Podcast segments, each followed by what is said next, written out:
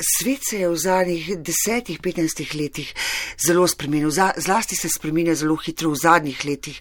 To je ena podobnost, ki jo vidim z obdobjem, ki sem se ga lotila v romanu Kronosova žeto. Tudi takrat je, se je zgodilo zelo veliko stvari v zelo kratkem času in sem prepričana, da so tudi ljudje tedanjega časa komaj da sproti razmišljali o tem, kaj se jim dogaja, kaj šele o posledicah teh dogodkov. In podobno kot danes so tudi tedaj obstajale apokaliptične, katastrofične ideje o koncu sveta. Ne, čas ni najlepši oziroma obdobje, v katerem živimo, zato si je saj osebno verjamem, potrebno ustvariti eno avtonomijo v, v času, v katerem živimo. Začenši recimo z temi no, sodobnimi tehnologijami, ki uh, nam seveda omogočajo uh, mnogo hitrejšo uh, komunikacijo, ne bom rekla, da tudi bolj poglobljeno, odvisno pač, uh, kako jemljemo to tehnologijo. Mislim, te novi mediji so seveda zelo močno urodje, ampak tako kot je velja za vse močne, močno urodje, recimo, ali pa snovi, rečemo za radioaktivno energijo, ne, lahko jo uporabljamo za zdravljenje, lahko jo za uničevanje. Ne. Ključno pri tem se mi zdi, uh, da se ljudje vzpostajajo nek določen odnos, koliko jim sploh. Spomeni zasebnost, meni recimo zelo. Ne? Zato uh, se, uh, se zelo omejujem pri komunikaciji uh, in uporabi teh, teh novih uh, medijev. Uh, pred koronosovo žetvijo ne, smo sicer poznali po enem romanu, ampak predvsem pa po krajših zgodbah. Pa me zanima, zakaj ste se odločili zdaj spet za. Že drugič za roman, in zakaj ste predstavili vse skupaj na obdobje, bom rekel, na prelomu 16. in 17. stoletje, z mislijo tudi na današnji čas predvsem ne želim ponavljati same sebe. Uh, ko se mi zdi, da se začnem počutiti domačne, uh, domačno in varno v določeni formi in da tudi obdelam uh, določene vsebine, potem vem, da je to zdaj znak, da moram iti naprej. Nočem zdaj iz nekega labla sebe napraviti. To me je zadnja stvar, ki bi me zanimala. Namreč jaz umetnost resnično jemljem zelo resno. Prvič, ločim med kulturo in umetnostjo.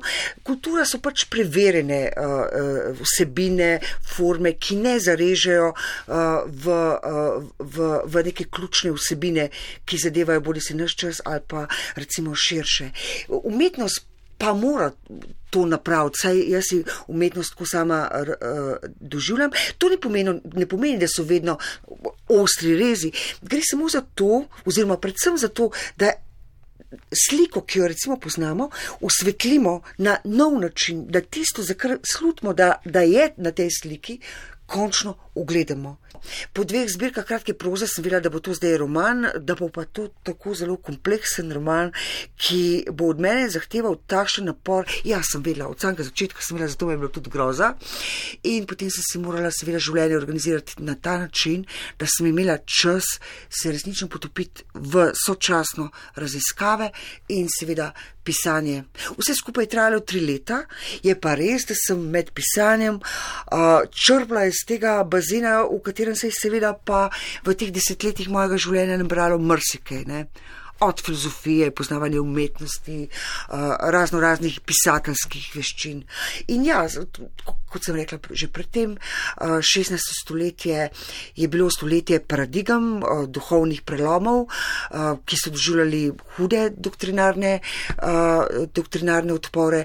Ljudje, ki so bili nosilci svojih prelomnih idej, so seveda tvegali svoje življenja, tudi življenja svojih najbližjih. Tudi danes živimo zelo pospešen čas, zelo hitro se vse skupaj odvija, odvija tako da komaj da sproti mislimo, kaj šele, da bi lahko razmišljali o nekih določenih posledicah.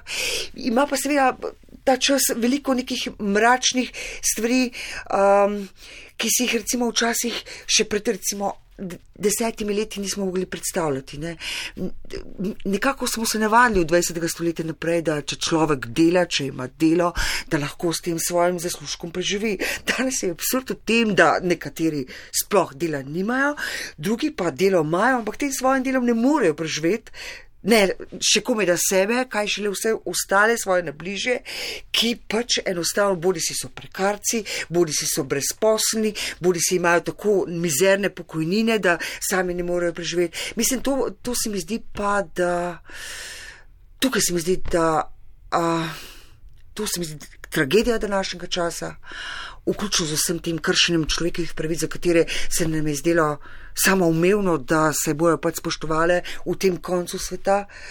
In um, um, to je moj osebno, pa ne samo moj, hud očitek politiki, da je dopustila, da je prišlo do te situacije. Tega si namreč nismo zaslužili. Nagrade so pa pač Nagrade pa lahko pridejo, oziroma ne, predvsem so pač stranski učinek pisanja in uh, te nagrade sem se zelo razveselila. I, je pa tako, da do lani pravzaprav sem imela eno samo nagrado, to je bil Kristal Vilnice za zgodbo um, pod gradino, ki sem jo dobila pred desetletjem. Zdaj, uh, lani pa resnično uh, je ta žetev res uh, obilna, mislim. Mojca Kumer, da je še kako vam jo privoščimo in čestitke še enkrat. Najlepša hvala za čestitke in tudi za povabilo.